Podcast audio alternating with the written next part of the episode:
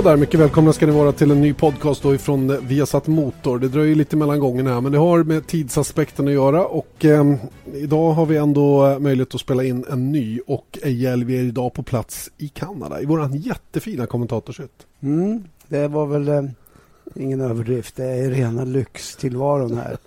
men eh, man får nöja sig med det lilla ibland. En, en, snabb beskrivning av var vi sitter. Om ni tänker er här i Montreal att man åker på den här långa rakan innan man kommer fram till start och mål. Så har ni ju chikanen och, och um, Wall of Champions. Precis innanför de svänger in på höger sida om man kommer i bilarnas riktning så har vi en grå byggnad och där sitter vi.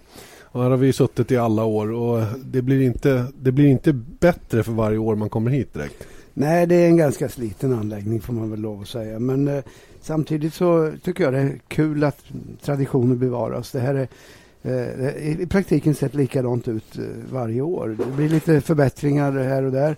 Eh, för brister blir det ju undan för undan.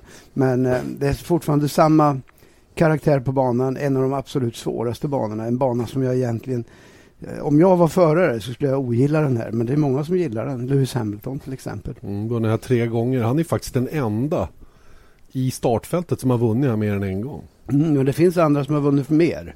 Ja, Michael Schumacher har ju sju mm. vinster här också. Men... Eh, totalt eh, dominerat här egentligen. Eh, men det här är en bana som Hamilton är snabb på. Jag tror han kommer hit med ett eh, stort självförtroende. Även om han fick stryk sista gången. Ja. Eh, vi ska komma tillbaka till själva Kanadas Grand Prix så småningom. Där. Men eh, för att återkomma lite till faciliteten här så ligger ju alltså banan ute på den här eh, handgjorda eller manbyggda eller vad ska jag kalla det? Ja. Den, den, är mm, konstgjorda. konstgjord heter det på svenska ön. Eh, som man då eh, konstruerade till världsexpon 1967. Och eh, på den lilla ön då har man placerat den här banan som heter Circuit Gilles Villeneuve. Eh, just idag lite smågrått och mulet här men annars så ser vädret ut att bli, eh, bli bra den här helgen åtminstone om man får tro prognoserna då så sägs det att det ska bli soligt och varmt framför allt. Eh, och eh, vad det får för påverkan på racet det får vi naturligtvis återkomma till. Eh, vi kan väl nämna då också att eh, Pirelli den här helgen har tagit med sig eh, Supersoft och Soft och det leder oss in på dagens första ämne nämligen det faktum att förarna nu, allt fler börjar eh, rikta eh, vissa uttalanden åt Pirellis håll. Nämligen att man vill ha mjukare däck. Mm. Eh, och eh, jag skrev ett långt blogginlägg idag för övrigt om just det här och jag kan inte annat än hålla med. Jag tycker också att eh, eh, det borde vara mjukare däck. Årets däck är onödigt långsamma. Ja, de är väldigt långsamma och det där har ju fått till följd att många tycker att det är för ynkligt att GP2-bilarna, de snabbaste GP2-bilarna är snabbare än de sämsta Eh, det långsammaste Formel 1-bilen och det kan jag väl hålla med om. Så det blir väl lite snett där. Men eh, jag har visserligen förståelse för att eh, Pirelli med allt elände som de har haft under åren eh, med eh, däck som har kollapsat i praktiken och de har fått utstå mycket, mycket eh, kritik. så ville de för säkerhets skull eh, hålla sig på den säkra sidan i år. Jag tror att de överskattade höll på att säga sig själva. Nej, men de, jag tror de, de eh, räknar nog lite fel med, med, med att eh, det här med det mycket, mycket högre vridmomentet som är i motorerna skulle ha en större påverkan än vad den, vad den hade på däcken eh, slitage och värme, att det genererar värme och så vidare. Eh, I kombination med mindre downforce. Så att det blev en liten... Eh, man tog, tog lite, gick på den säkra sidan lite för mycket tycker jag. Mm. Och eh, sen är det ju svårt att backa. Det är alltid svårt att ändra ett reglement eller ändra förutsättningarna mitt under pågående säsong. För alltid blir det någon som, som ogillar det. Um, men um, jag kan väl eh, som helhet så kan jag väl säga att jag tycker ju inte att direkt att Pirellis intrång här i Formel 1 eller intåg i Formel 1 har varit speciellt lyckosamt. För att i början så hade man då däck som inte fungerade. överhuvudtaget. Man fick, hade svårt att komma in i, i fönstret där de, där de jobbar på ett effektivt sätt som gör att det är möjligt både för förare och för team att, att utveckla bilen under en racehelg. Sen, sen så mm, hade vi det här problemet där, man, eh, där slitbanan helt enkelt släppte från däcken. Och det var ju en total katastrof och det var ju en säkerhetsrisk. Alltså. Så man, man eh, har nu gått över till ett lite, liten säkrare metod eller säkrare däck helt enkelt. Och, eh, så, så det har jag förståelse för. Va? Men vad jag inte riktigt har förståelse för är är att det ska vara så svårt att hitta någonting som är som, som passar fler, mm. så att säga. Då börjar vi komma till pudelns kärna här, tycker jag. För att det är precis det som är min invändning mot Pirelli. Det, det, jag menar, de har ju gjort, de fick ett ganska tydligt eh, uppdrag utav FIA och Formel 1 rent generellt att bygga däck som, som gjorde att racingen blev mer intressant. Och det lyckades de med, anser jag i alla fall i början, med vi hade sju vinnare de sju första racen säsongen 2012. Mm. Eh, och eh, det, det, var, alla var, tyckte det var frid och fröjd. Och sen så till 2013 så fick man för sig att man skulle ändra då däcken och göra en annan konstruktion och den funkar inte. Och man, tog ett, man tog ett ganska stort steg åt det hållet tycker jag. Mm. Eh, och fixade någonting som inte behövde fixas på något sätt. Man underskattade Men, dessutom downforce-nivåerna som kom året mm. efter. Men eh, då är vi inne på det som jag sa där att i, i början så eh, teamen hade väldigt svårt att hitta de inställningarna som däcken krävde. Det var ett väldigt, väldigt smalt fönster där de fungerade. Och det var en av anledningarna till att vi hade sju vinnare på de sju första racen. Och det där kändes ju som att det, det blev alltså en, en eh, det handlar inte om att, att, vara snabbast egentligen utan det handlade om att försöka få däcken att funka. Så det var därför de gick ifrån det, eller tvingades gå ifrån det. Och då hamnade de i ett läge där istället däckslitaget blev alldeles på tok för, för stort. Mm, och det blev däck som separerade från, från ja. Eh, eller slitbanor som separerade från däcken och då gick man tillbaka till 2012 års konstruktion igen fast man behöll 2013 års eh, slitbanor för att det var ju en panikåtgärd som man blev tvungen att göra och sen till i år då så har man återigen gått väldigt, väldigt långt åt andra hållet. Mm. Jag kan inte förstå varför de ska göra så stora Nej, förändringar. Men själva, själva så ju, har de ju en väldigt enkel förklaring på det. Eh, för de pratar ju hela tiden om att ja, vad ska vi göra? Vi får ju ingen testning. Eh, men nu är det ju så att i år så har de ju fått testning, i alla fall betydligt mer än, än förut. Okej, okay, inte i jämförelse med när vi hade de andra tillverkarna, Michelin, eh, Goodyear, Bridgestone och, och, så vidare, för då testades det på ett helt annat sätt. Så det har jag, jag, jag har eh, en viss förståelse för att, att eh, det inte är lätt, så att säga. Va? Men jag tycker ändå att eh, på sån här hög nivå som det här ändå är, det är Formel 1 vi pratar om, där ska inte däcken Eh, däcken ska inte få vara så eh, avgörande som de är. Även om de alltid kommer att vara avgörande. Ja, det är ju den kanske mest avgörande delen på bilen i alla fall. Och det är det som gör att man kanske har högre krav på hur däcken fungerar än på många andra delar på bilen. Att, de ska vara, att det ska vara konsekvent för teamen och förarna. Att det ska vara på något sätt någonting som ändå håller sig inom, inom en viss ram så att man vet vad man har att jobba med. Och det tycker inte jag att man har faktiskt Nej. haft de tre sista åren. Nej, bara, jag kan bara hålla med. Och sen har jag en annan synpunkt också. Det är deras sätt att kommunicera ut mot allmänheten eh, vad de håller på med och, och hur saker och ting fungerar. Eh, Paul Hembry är säkert en jättetrevlig människa och duktig på alla sätt och vis. Men, men det är han som är eh, ansiktet utåt för Pirelli och jag tycker att han eh, nedlåter sig till att eh, inte bara delta, kanske i vissa fall även starta en pajkastning som, som blir en olösbar situation och, och där ord står mot ord. Förarna tycker eh, så, teamet tycker på ett annat sätt och Pirelli på, på ett annat, eh, annat sätt. Man lägger näsan i blöt och talar om att nu ska, vill, man, vill man få teamen att, eh, eller reglementet att bli si och så, om man ska ha bredare däck. Och, visst, det är väl kanske lobbying då och så vidare, men sam, samtidigt så, så tycker jag att Paul Hembry Eh, kläcker ur sig onödiga saker. Han beskyller förare för att inte veta vad de vill. Ena dagen säger de att de vill ha hårdare, nästa dag vill de ha mjukare. Och det där är ju, det är ju bara blaj-blaj alltså. För att eh, eh, det är mycket möjligt att man ville ha en sak förra året och en sak nu. Eh, men, men, det är ett års skillnad, så det går, inte, det går inte att använda den typen av argument. Eh, det, det brister lite grann, tycker jag, i hans kunskap om hur hur Formel 1-världen eh, ser ut inifrån teamens eh, perspektiv. så att mm. säga. Eh, hur snart ser du att man ändå ändrar däcken och gör dem lite mjukare? Ska de göra det redan i år eller kan det först ske till 2015? Jag skulle nog se, helst vill, skulle jag vilja se att de hade det i år. För problemet är i år att de är dels för hårda men de har ändå eh, degradation, alltså slitage eller eh, däcken tar slut. Mm. Eh, och, och det är inte tid. bra. Att, att de gör det om däcken är för mjuka, det är helt naturligt för så är det. Och då är det bara leva med det. Va? Men, men nu har man eh, det lika dåligt i bägge ändar så att säga. Så att jag skulle gärna se att det blev en ändring nu. Men samtidigt då, så det är begränsat med testning och, och så vidare. Så att eh, det kanske är svårt för dem. Men, eh, och sen har vi den andra aspekten som jag var inne på tidigare. Det kommer alltid vara någon som gnäller om man ändrar under pågående säsong.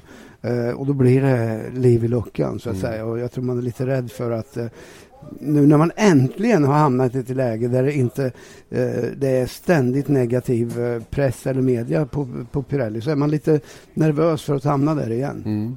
Och, och, det intressanta är också tycker jag att nu när tillförlitlighetsproblemen har lösts mer eller mindre i alla fall där motortillverkarna har, liksom kommit bort lite grann från skottgluggen, ja då riktas ögonen igen mot Pirelli. Ja, fast det är inte alls på samma nivå tycker jag som, som det var eh, tidigare. Men då hade vi ju, som jag också nämnde, eh, då var det en säkerhetsrisk. Alltså en, en eh, oacceptabel säkerhetsrisk. Alltså. Eh, nu är det inte det, utan nu är det mer eh, eh, prestanda, ja. prestandabaserat. Så att, eh, jag tycker inte det är riktigt samma sak. Hur är det med Pirellis rykte i racingvärlden? Det är inte hundraprocentigt va? Jag tycker jag Nej. hör det från alla håll och kanter. Jag pratade med Rickard Dudell häromdagen. Ja. Han sa samma sak. Nej, ja, men det är så. Det, det, det här är inget nytt. För jag menar, själv körde jag Pirelli under ett par säsonger i 80, 81 eller vad det nu kan varit, 82. Och eh, i jämförelse med många andra däckstillverkare så var det ganska ojämn prestanda. Man visste aldrig när man kom till ett race hur däcken skulle vara och så vidare. Eh, däremot så ett plus tycker jag är att man har alltid varit väldigt eh, uppfinningsrik. Eh, man, man har jobbat på lite okonventionella sätt med att, att hitta prestanda och så vidare. Speciellt då när man tävlade, hade däckskrig, olika däcksleverantörer. Så att det är väl på gott och ont. Va? Men om jag ska vara alldeles uppriktig, de har inget bra rykte. Nej. Och eh, ibland får jag för mig att det är rena... Men då, då pratar vi banracing, ja, just det, just det. Och, eller formelbilsracing. Sen eh, rally har jag ingen uppfattning om. Det nej. kanske de har jättebra rykte om. Men, men de har alltid haft svårt att etablera sig på ett, på ett tryggt och, och stabilt sätt i, Formel 1. Ibland får jag för mig också att det är rena kvalitetsbekymmer de har. Att, det, att däcken, om man säger att man får 100 soft under ett år så är inte alla de hundra lika bra. Ja, det, det, jag drar mig för att gå så långt. Alltså det, det, det kan inte jag avgöra. Men, men eh, självklart så, jag säger inte emot. det var så mycket en bekräftelse jag skyller, som man kan jag få. skyller på dig. Ja, men skyll på mig. Gör det.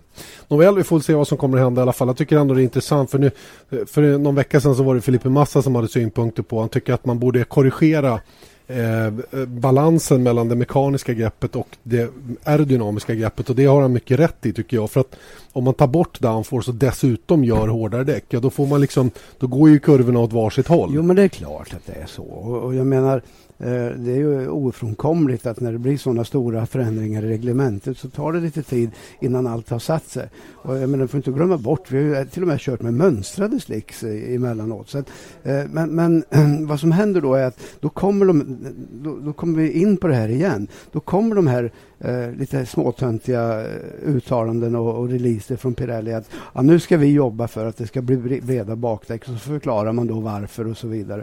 Eh, det, är, det är som det är. Så att man, man har på något sätt ett dåligt samvete och, och mm. kan inte låta bli att eh, bara låta resultatet tala för sig själv. Utan man, man, man har gått i försvarsställning helt enkelt. Mm. För att summera upp det här och så kan vi väl säga då att Pirelli har en svår situation, det är ingen tvekan om det. Precis som du berörde så är ju testningen oerhört begränsad för deras del oavsett hur man ser på det.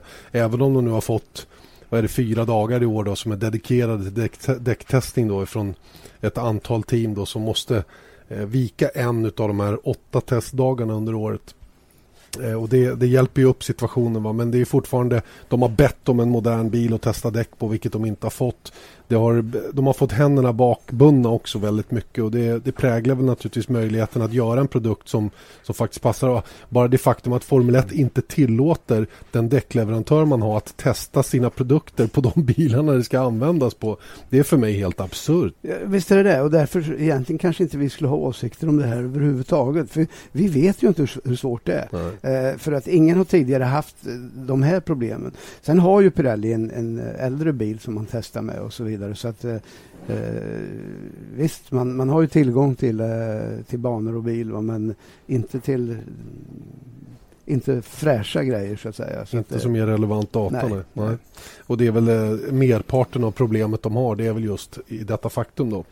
Alright, vi får se som sagt vad som händer. Det har startat en diskussion i ämnet i alla fall. Så får vi se vad den leder till så småningom. Um, intressant också att prata vidare tycker jag om eh, den här podcasten om eh, Mercedes. För alla frågar mig så här, ja, vem vinner i Kanada? Ja, vem tror ni? Det är klart att det är en Mercedes som vinner. Frågan är vem av dem som gör det. Och eh, det, så, det, så långt har jag kommit den här säsongen i alla fall att jag inser att den, den, den lucka de har fått den går inte att ta igen. Så att ingen kommer att utmana. De kan mycket väl vinna varje race den här säsongen. Eh, men vem, vem av dem blir världsmästare? Och det, är ju, det är ju den fighten vi har att se fram emot och det är den jag tycker är så kittlande på något sätt. Och samtidigt har vi fått det här goa eh, trashtalkandet mellan, mellan, ehm, eh, mellan Nico Rosberg och Lewis Hamilton då, som, som bara kryddar anrättningen så att säga. Alldeles riktigt. Eh, jag kan nog inte med bästa vilja i världen tro att någon ska kunna utmana Mercedes om VM. Det, det, de, de har ett paket idag. De har jobbat på det under många, många år också, får vi inte glömma bort. Eh, och, och, nu har man hittat rätt och eh, man har ett försprång som i praktiken är ointagligt. Jag kan inte se att någon skall under årets eh, lopp komma ikapp dem. Men eh, så är det ju Formel 1. Jag mm. menar, bara titta i historien så har det nästan alltid varit. Och jag menar, de sista fyra åren så har vi haft Red Bull som har dominerat. Kanske inte lika stort som Mercedes gör, gör just nu. Och inte eh, med två lika jämna förare. Nej, det var precis dit jag ville komma. Man, man har fyllt igen alla, alla nödvändiga luckor så man har ett mycket, mycket komplett eh, eh, komplett eh, paket att, att, konkurrera med. Och det gör att, eh, att eh, de i praktiken är o, o, o, oslagbara skulle jag vilja påstå. Mm. Och vilken tur vi har då att eh, vi har den här fighten för, mellan förarna. För den kommer att leva kvar. Och ja, ja, du, med risk för att bli tjatig, jag, jag säger jag har hävdat ända från första dagen att jag tror att Hamilton, eller jag vet att Hamilton är den snabbare föraren över ett varv. Eh, men jag tror samtidigt att eh, Nico Rosberg har kommit upp på en nivå nu där han har fått lite, lite eh, det luktar en möjlighet att han ska kunna vara med och, och slå Hamilton. Men det blir på andra villkor enligt, enligt hans del. Han måste ta till andra saker. Han måste vara bättre på, på så många saker. Uh, och, och, det här är definitivt någonting som stör Lewis Hamilton. Det är bara att konstatera. Han, uh, sen hur, hur, hur det påverkar hans resultat, det återstår att se. Säkert kommer han att vinna här. Så att uh, jag menar även om, om jag, vi, vi, upp, vi, var uppmärksamma på att han var störd i Monaco och så vidare. Men man vet inte hur, det, hur han reagerar på det. Så att han är definitivt min favorit att vinna här. Men mm det kommer, fighten kommer att fortsätta. Och jag tycker det är fascinerande också att se hur, Nico, hur olika de jobbar och, och hur, hur Nico Rosberg hanterar den här situationen. Och jag tror han har fått mycket, mycket hjälp. Och, och eller hjälp, han har blivit uppfostrad av sina föräldrar naturligtvis. Och eh, det har ju präglat hans sätt att, eh, hans attityd gentemot mot sitt jobb här. Han säger inte ett ord, utan han bara kör sitt race. Eh, liksom Eh, eller han använder åtminstone inte media, det kan vi säga. Mm. Att, att uh, officiella kanaler för att uh, yttra sig och jobba på det sätt han vill. Hur mycket har Keke Rosberg eh, med det att göra? Att Nico jobbar som han gör? Nej, kanske inte så mycket idag, eh, men jag är övertygad om att eh, ibland så kommer det nog eh, några väldigt viktiga synpunkter på, från, från Keke. Men jag menar, det här är någonting som har utvecklats under, eh, under hela Nikos uppväxt naturligtvis. Eh, äpplet faller inte så långt från trädet och då ska du veta att Eh, Eh, jag känner många röstförare och jag känner många väldigt väl. Och jag, Keke Rosberg är de, en av mina äldsta vänner eh, sen, sen eh, tonåren. Och eh, en eh, en, en tuffare mentalitet än vad Keke Rosberg har. Den har jag, det har jag i alla fall aldrig påträffat. Nej, han är, han är, han är en hårding. Är en hårding. Rakt alltså. upp och ner bara. Eh, det, det må ju vara hänt att han är det så att säga. Men vilken trygghet det måste ja, vara. Men hårding, hårding eh, på, på, sitt sätt. Va? Inte rädd för att uttrycka sig och säga det han vill och, och, och ha en rak linje och så vidare. Men, eh, eh men ändå oerhört smart, alltså, oerhört intelligent hur han ska använda eh, sin kommunikation, eller inte använda kommunikationen mm. för att eh, för att inte hamna i trubbel egentligen. Och det är precis det Nico Rosberg gör. Mm. Det är väl det, det, det kanske jag, det jag ser som, som den stora fördelen Nico har i den här fighten. Just tryggheten han har i, i mentorskapet som hans pappa faktiskt ja. kan ha med honom gentemot Lewis Hamilton. Och som uppenbarligen i alla fall utifrån mitt sätt att se på det, kanske ibland saknar styrning på hur han ska agera i vissa mm. situationer, framförallt rent officiellt. Visst är det det. Och, och sen kan vi också säga så här, Janne, att jag tror inte att Nico klarar att slå uh, Lewis Hamilton i, i VM om han inte, om, om, inte, en del av, av hans taktik måste vara, uh, måste vara att få Hamilton ur, ur balans. Alltså. Mm. För en Hamilton som är, är harmonisk och, och, och få göra saker på sitt rätt, rätt sätt, bli struken medhårs och, och få allting serverat. Ja, han är i praktiken oslagbar i den mm. bilen han sitter mm. nu. Eh, och, och, jag tycker i Monaco så blev det ganska tydligt att alla medel är tillåtna nu. Eh, nu, nu, är liksom, nu har den spärren ja, släppt. Betyder det att du menar att Rosberg gjorde det med avsikten? Eh, det, det, är lite dit jag vill komma. Jag, vi kommer aldrig att kunna bevisa varken det ena eller det andra. Därför så ska jag inte, jag ska inte ens yttra mig om han gjorde det med avsikt eller inte. Däremot så är det det är lätt att ledas till en sån tanke med tanke på hur situationen är och precis hur den situationen blev. Men, men fortfarande är det så, det, det hävdar ju alla att det, den enda som vet vad som egentligen hände där, det är Nico själv och det nöjer jag mig med. Han, han är friad av domarna och något annat Nej, men kan jag inte ha synpunkter på. Det gör du inte om du, säger, om du säger att alla medel är tillåtna. För det betyder ju att eh, du, menar, du, du menar indirekt att han gjorde det med avsikt. Ja, just det. Okay. Just det. Ja, men, det var inte så svårt att få nej, fram men det. Alltså, grejen är ja, nej, men, och, och, jag förnekar inte det, ja, Janne. Nej. Jag förnekar det inte. Jag, det enda jag säger, och det sa jag i Monaco mm. också, att om han gjorde det med avsikt så, så ja, ja, då är jag imponerad. Mm. Mycket, mycket mm. imponerad. För att hur man ska bära sig åt och hur, hur man i så fall så måste det ha varit så uträknat och planerat och han har stått där nere och tittat han bor ju där, så mm. där kan han mycket väl ha gjort det. Eh, när han går och hämtar tidningen mm. eller vad det nu är. Mm. Eh, så att jag menar, det, det, måste varit eh, uträknat på alla sätt. Men sen har du en annan sak också. Eh, han var säkerligen bekymrad över det faktum att den som skulle få en tid sist, det var Lewis Hamilton. Så att, eh, hur, hur, det kom sig, om det, var, om det var strategin i teamet eller inte, eller om det var tillfälligheter som gjorde det, eller om Hamilton hade tillförskaffat sig den fördelen under Q3. Mm. Det vet inte jag. Nej. Man kan lika gärna vända på det här resonemanget för den pressen som Rosberg var satt under under det här sista flygande varvet i Monaco den är ju närmast omänsklig eftersom man visste vad konsekvensen skulle bli om man inte tog det där varvet. Ja. Och det fick den konsekvensen att han bromsade på sig in i Mirabeau och det fick då i sedermera konsekvenser för alla som var efter. Mm. Något som man då i alla fall officiellt inte kan, kan lastas för så att säga. Ja, men som sagt var med eh, de hjälpmedel som domarna har idag, att komma undan med en sån sak om man har gjort det till eh, med avsikt, är begåvat. Mm. Um, men vad jag också menar med att alla medel är tillåtna nu det är ju det faktum att idag jag menar, vi har ju hört rapporter om att det redan i Bahrain var så att Nico Rosberg nyttjade lite mer motoreffekt mot teamets vilja för att försöka gå förbi Lewis Hamilton. Hamilton gjorde motsvarande i Barcelona där han då gjorde någonting som teamet starkt rådde emot, nämligen att, att höja effekten då lite för att eh, klara sig mot Nico Rosbergs attacker på slutet och, och, att det här då har börjat och, och liksom gnaga lite de två emellan. Det där, jag menar, det där eh, visst, media målar upp det där som en stor grej. Och, men, det är vi det. Ja, jag vet det. eh, men ärligt talat, det har alltid varit likadant. Mm. Så, så funkar det. Och jag, menar, jag, jag tänker tillbaka på de åren man åkte sportvagn, eh, Porsche 962 och även Toyota och de här med, med turbomotorer. Eh, då hade ju dessutom teamen ingen koll. Så då fick man köra med 1,6 bar eller någonting. Tror du man gjorde det? Nej. Nej, klart man inte gjorde.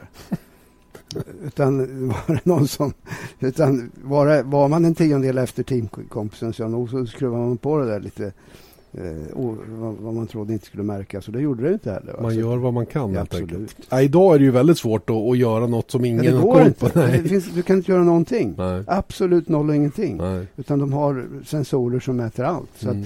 det, det, går ju inte. Utan, eh, Ja, nej, det, men jag tycker det är jätteintressant och, och, det ska bli kul att se. Jag kan inte ens föreställa mig hur det här kommer att utvecklas. Det kan bli total katastrof. Teamet kan fullständigt tappa kontrollen över de här två. Eller också eh, kommer de att eh, kunna, kunna eh, hantera det. Jag tror Eh, jag tror faktiskt att Niki Lauda är en tillgång i, hos Mercedes i det här. Eh, han pratar av egen erfarenhet, han vet vad det handlar om, han, han eh, kan kommunicera på ett sådant sätt som, som förarna behöver, tror jag. Sen om man kan få dem att bli, bli vänner igen på samma sätt som de tidigare varit, det låter jag vara osäkert. Behöver de vara det? Nej, det är inga Formel 1-förare som är riktiga vänner. Man lever, man lever... Inte så länge man tävlar, tävlar någorlunda mot varandra. Så just det. Just det. Ja, det, är, det är fascinerande och, och jag tror att man gör ett stort misstag om man, om man eh, avfärdar den här säsongen som tråkig bara för att Mercedes hela tiden vinner. Eh, det, det är den största miss man kan göra för att få vara med om en sån här fight mellan två förare under ett och samma år. Som, som, som dessutom har kört ifrån alla så mycket att de inte behöver ta hänsyn till resten av motståndet. Mm. De kan verkligen bara fokusera på varandra. För den lyxen hade aldrig Red Bull. Nej, det är riktigt. Ja, eh, när du säger det så tänker jag osökt eh, kommer jag tillbaka till senaste tävlingen i Monaco som var en av de mest intressanta race som jag har sett i Monaco. Mm. För det hände saker, inte bara mellan ettan och tvåan. Eh, sen i slutet kom Ricciardo då när, när, det, när det trappades ner lite grann den där fighten. Ja, då, var, då var han helt plötsligt mm. eh, involverad. Och sen längre bak, i mitten, överallt. Det hände mm. saker. Så att eh, Ja, jag vet inte hur man ska vara funtad för att tycka att vi har en dålig F1-säsong. Ja, nej, det kan inte jag heller riktigt gå med på. Eh, leder oss in då lite grann på, på helgens aktiviteter. Eh, Gilles Villeneuve heter alltså banan här. Circuit Gilles Villeneuve är i Montreal. Eh, du var inne på det tidigare. En eh, oerhört svår bana, lite old school, eh, helt oförlåtande. Murarna står grymt nära. Vi har egentligen samma samma argument som vi hade när vi kom till Monaco, nämligen att de här bilarna som har en tendens att vara lite överstyrda eh, kommer att toucha i murarna på några ställen här. Det, det kan vi nog vara rätt säkra på. Du, i taxin hit, som inte var en taxi för övrigt, en buss. en buss ja, så sa jag att eh, jag var, kan du tänka dig att jag var här 78, det kan ha varit 79 också, men jag var här och körde en tävling. Och eh, jag kan bara säga en sak. Jag avskyr den här banan. Jag fullständigt avskyr den. Jag tycker den är totalt värdelös eh, efter de erfarenheterna jag hade. Eh, inte bra? Dessutom så körde jag, när jag körde den där förbenade simulatorn hos Red Bull. Ja, vad tror du? Kanada naturligtvis. Värsta stället jag vet. Så att, det här är ingen favoritbana. Men eh, jag är tillräckligt eh, mogen vid min respekterade ålder idag. För att eh, inte vara blyg för att säga det också. Eh, det är en tuff bana. Riktigt, riktigt tuff bana som kräver, eh, kräver förare med eh, bra mod, bra självförtroende och eh, bra kontroll. Jag, jag trivdes aldrig här. Det var inte den typen av bana som jag gillade. För du har alltså en bil som måste vara väldigt bra stabil under inbromsningarna. Är den inte det, ja, då är det helt rökt. Därför att du har väldigt snabba ingångar i de här kombinationerna som vi kan kalla chikaner. Eller, ja, chikaner får mm. vi väl kalla dem. Och mm. de är ganska många. Uh, visserligen hårnåren har vi en ganska rak konventionell inbromsning där man bromsar rakt och får ner farten. Men många av de andra ställena så handlar det om att, att ha med sig oerhört mycket fart in i, i de här chikanerna. Och bromsa ända in så att säga och göra all, allting samtidigt. Och problemet är att när du tappar det då, tappar du då greppet någonstans, ja då har du redan pekat nosen spikrakt in i muren. Och det finns ingen återvändo. Utan det, det är bara att konstatera att då smäller det. Mm. Så att eh, det, det, det, kräver väldigt, väldigt mycket av föraren. Och det, Um, uh, ja, och dessutom går det fort. Alltså. Det mm. går fort och det är smalt och det, det, är gräs. Det finns väl inget värre än gräs utanför asfalten. För det, menar, det är ju... Ja, det, det, ja, det är en pina. Mm. Ja, du berör ju det faktum att man behöver ha en bil som är stabil under inbromsen. Det är ju väldigt mycket start-stopp-bana det här. Det är ju höga farter, hårda inbromsningar, snabba riktningsförändringar. Man behöver en bil som är, reagerar ja. på, på kommandot från föraren. Mm. Absolut, visst är det det och just de här eh, mass, massor med chikanerna som vi har här. Eh, du säger byta riktning. Det, det är oerhört viktigt. Alltså. Det, det kan skilja eh, oerhört mycket mm, från en bil till en annan. Så att den som kommer hit med en bil som eh, inte är i perfekt balans. De, de, det är en mardröm för föraren. Just det. Och då kommer vi in på någonting som du sa till mig redan för någon vecka sedan. Att du var lite orolig för Marcus Eriksson just här i, i Kanada. Jag är mycket orolig. Eller, jag är inte så orolig för jag vet att han kommer att smälla i muren. Det, det, jag, jag, jag, fattar inte hur han, hur han ska kunna undvika det. För Marcus är en, en förare som har det inte jag hade. Han har mod. Han har mod och han, han, kan bara bestämma sig att nu bromsar jag tre meter senare än vad hjärnan vill att jag ska göra. Det kunde aldrig jag, men det kan han. Och eh, det, problemet är bara det att det kommer att straffa sig. Mm. Uh, han kommer naturligtvis få jätteproblem att hitta runt den här banan, lära sig, lära sig uh, de finesser som du behöver veta för, för att uh, utnyttja banan och bilen på rätt sätt. Kobayashi å andra sidan har kört här förut, har en stor, stor fördel och det innebär att Marcus kommer vara frustrerad efter första träningspasset, efter andra och han kommer att, han kommer att ta i hårt, så hårt så att han sitter i muren någon gång. Ja. Och det är ett problem för de har inte överflöd med reservdelar i det, gäng, i det där teamet just nu. Det, då kommer vi in på nästa lilla ämne, nämligen eh, det som har florerat då i media också att eh, teamet är till försäljning. Hur är det med den saken egentligen? Är, är de till salu? Vad tror du? Ja, det är svårt att säga därför att eh, ägaren Tony Fernandes har förnekat det i, i eget pressuttalande. Eh, eller försöker i alla fall förneka det. Eh, det är dålig ekonomi, så pass mycket vet väl alla om. Mm. Och eh, det behöver säkert till kapital där för att få ordning på verksamheten. Men jag kan inte svara på exakt hur illa det är. Nej. Eh, det, det Tony Fernandez sa, han förnekade att Caterham Group var till salu och det innefattar ju rätt många olika. Det är Caterham Composite, det är Caterham Racing, det är Caterham Cars, ja, Caterham ja. F1 och ja, allt vad det är. Ja, ja nej, det är ju en stor grej och det kanske inte är till salu men eh, eh, de här ryktena som, som dyker upp emellanåt eh, det, det ligger ofta någon sanning, emellan, eller sanning i det. Så att eh, det kan mycket väl vara att eh, han försöker att avveckla Formel 1-stallet. Vad kan det få för konsekvenser för Marcus tror du? Ja, jag vill ju hoppas att, att om han lyckas sälja det så är det ju någon som som är medveten om, vi köper ju inte grisen i säcken utan den som köper Caterham måste ju veta vad som, vad som krävs i, kostnader. Och om inte, och Fernandez säljer för att han inte vill betala eller inte kan betala, det har jag ingen aning om. Så det är bara att hoppas att det går att, att sälja det, vilket jag tror blir mycket, mycket, mycket svårt. Mm. Eh, men den som då köper det eh, bör ju kunna ge en injektion i, av resurser i form av pengar. Mm. Som, så det hoppas jag verkligen. Och, och eh, att Marcus bedömer jag sitta väldigt säkert i, i sin position där. Det gick rykten om att den här Gene Haas som ska starta det nya amerikanska teamet då var en av intressenterna då och vid en eventuell försäljning då. Men, men så vitt jag har fått reda på så, så finns det inga sådana kopplingar längre utan Gene Haas han planerar fortfarande att göra sin egen grej och han har dessutom bekräftat nu att någon start 2015 blir det inte för det här amerikanska teamet. Däremot finns det en möjlighet att det här Forza Rosso kan komma till start nästa år istället då med eh, gamle Colin Colles eh, bakom spakarna vad det verkar. Då. Ja, jag, de, det här ryktet om uh, Haas, uh, det har jag inte hört. Men däremot så vet jag att du har nämnt det.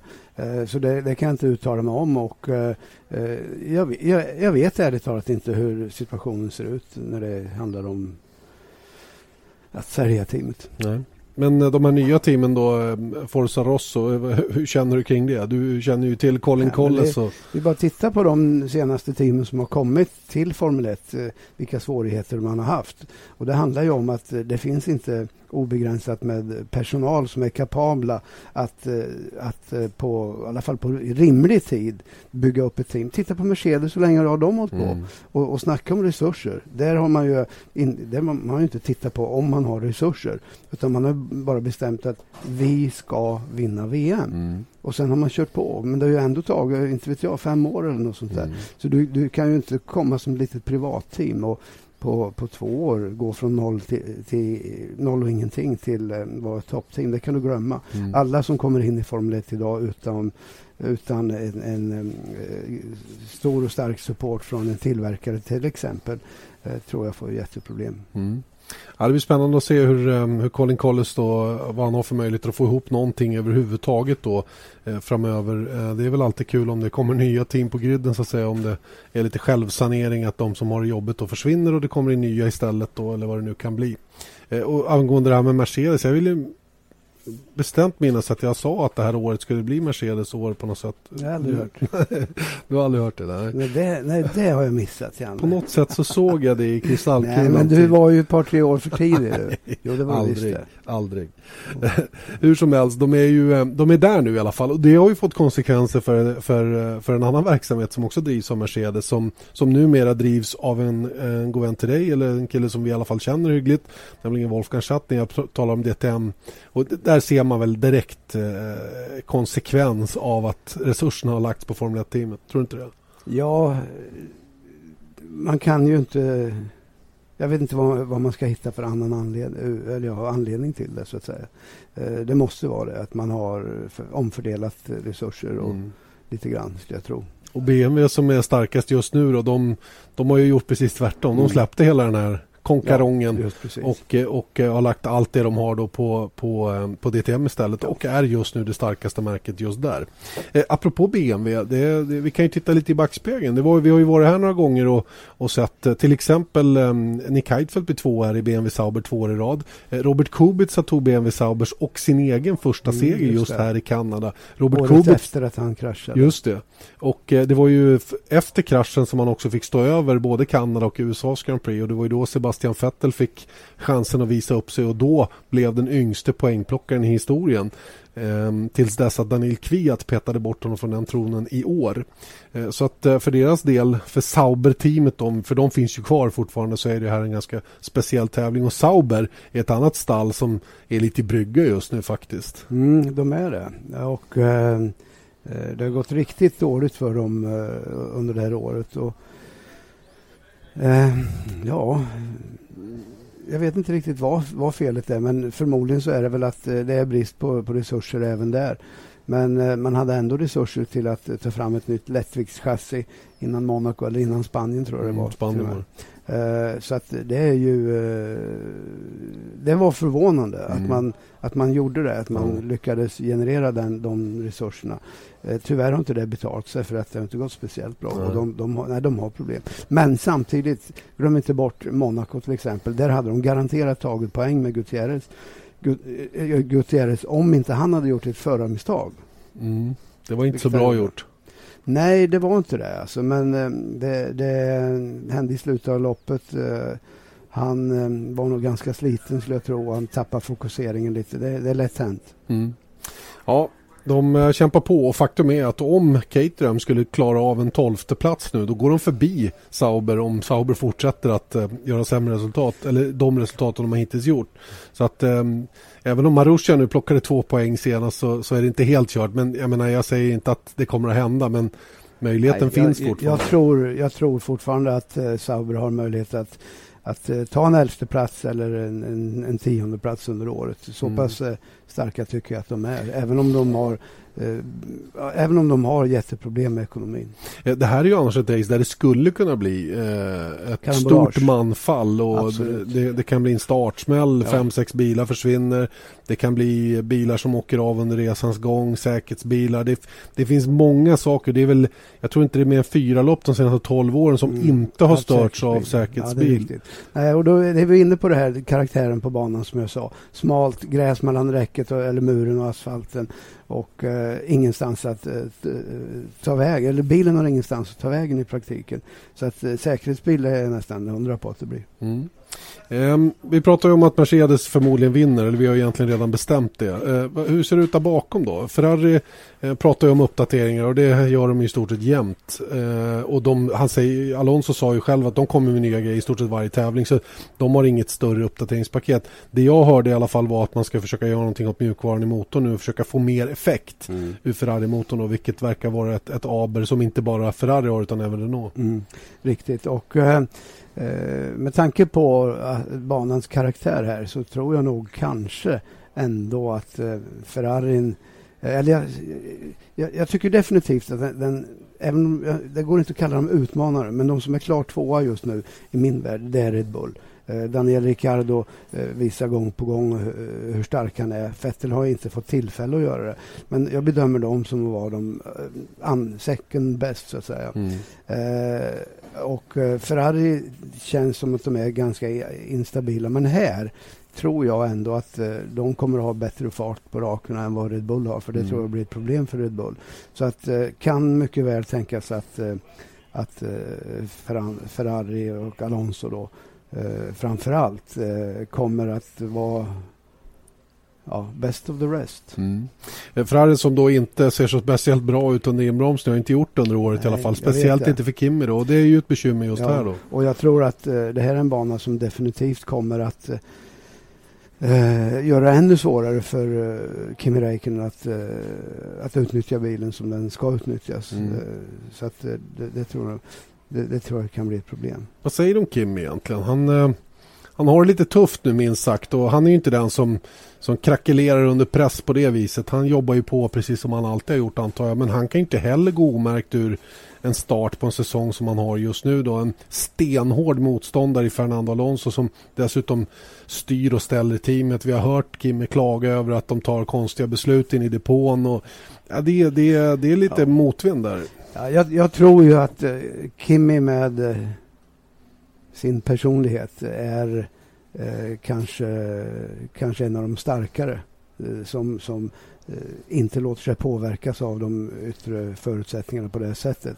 Men eh, jag tror samtidigt att han kanske kanske missbedömde eller kanske inte trodde att Alonso var så stark som han är. Eh, och då pratar jag inte bara om att vara snabb i en racerbil, för Kim är lika snabb som, som eh, Alonso om man har materialet. Det är inget snack om den saken. Men Alonso är så komplett i, i allt och har byggt det där teamet runt sig. Och eh, det kommer att ta tid för Kimi att komma dit. Till att börja med måste han få ordning på bilen, få den att funka någorlunda och eh, det är inte så lätt när man har eh, på andra sidan garaget Alonso. Nej, och jag undrar om han någonsin kommer att komma dit. Nej, det, det är möjligt att han inte gör det. Alltså. Och, eh, men, men jag tror inte det beror på att han inte kommer att kommer att, att klara det, att han blir knäckt på något sätt. Va? För det tror jag inte han blir. Men däremot så kanske han tröttnar. Det är en annan sak. Gör han ett tillräckligt bra jobb i år tycker du? Jag, jag, tycker inte man kan svara på det. För man kan inte, jag, jag, vi kan ju inte bestämma nu att han är en sämre förare än vad han var förra året. Nej, för det är han ju en, inte. En Alonso. Det, men med rådande omständigheter, eh, ja. Jag hade, jag hade räknat med, eller jag hade trott att Kimi skulle prestera bättre än man hade gjort. Va? Men samtidigt så vet jag hur oerhört svårt det är att, att uh, vara konkurrenskraftig i en bil som inte gör det du vill och som inte ger dig självförtroende. Självförtroendet är 100 procent. Har du inte det i en, en Formel 1-bil eller en racerbil, eh, oavsett vilken nivå, ja då kommer du ingenstans. Utan då har du, det, det är en pina. Va? Och du, framförallt, det är bara att konstatera, om Kimmy visste vad han skulle göra med bilen, så skulle han ju göra det. Han vet ju inte det. Mm. Utan han, han, söker ju ständigt. Och det tär. Det, det blir frustrerande. Alltså, eh, och det är därför jag menar att eh, frågan är hur länge han orkar hålla på utan att tröttna. Alltså. Mm. Och frågan är, jag vet inte, jag minns inte nu på rak arm hur långt kontrakt han har med Ferrari. Om man skriver på ett flerårsavtal eller om det är ett plus ett eller vad det nu kan vara. Och vad Ferrari tänker för framtiden. Och med Jules Bianchi som kör så pass bra som han gör i Marussia så borde ju han snart kvala in för att bli förare i Ferrari. Han tillhör ju trots allt Ferraris Young Driver Academy fortfarande eller kommer därifrån. Och har ju supporten från Ferrari. Det var vad, vad Alonso sa efter, mm. efter Monaco att uh, han tycker att uh, Bianchi gör så bra ifrån sig så att nästa år så hoppas han att han sitter i en bättre bil. Ja, mm. Vad är det tror ja. jag? Det, det är precis det är, det är lobbying av, av uh, största format. Och det är sådana saker som Alonso är ju en han är ju en dödlig konkurrent. Alltså. För han, han kan ju säga sådana saker utan att, utan att ha sagt mm. någonting i praktiken. Förstår du mm. vad jag mm. menar? Mm. Eh, självklart så, så kan man läsa att ja, det är bättre att ni tar honom i Ferrari nästa år. Mm. Ja, nej, spännande. Mycket, mycket spännande. Det finns eh, massor att eh, prata vidare om i det ämnet också. Men det ska vi inte göra nu för nu har vi hållit på i nästan 45 minuter och det är väl ungefär den tid vi brukar ägna åt de här podcasts som vi har satt Motor levererar idag direkt ifrån Montreal alltså och eh, Circuit Gilles Villeneuve. Vi kommer ju eh, som vanligt att sända hela den här helgen, fredag, lördag och söndag. Håll koll på våra tablåtider eh, när vi drar igång eh, träningar och sådana saker. Tänk på tidsskillnad och sådana saker så ska det inte vara några konstigheter. Eh, så länge säger vi tack och påtrörande härifrån Kanada, Janne Blomqvist och Eje Elg.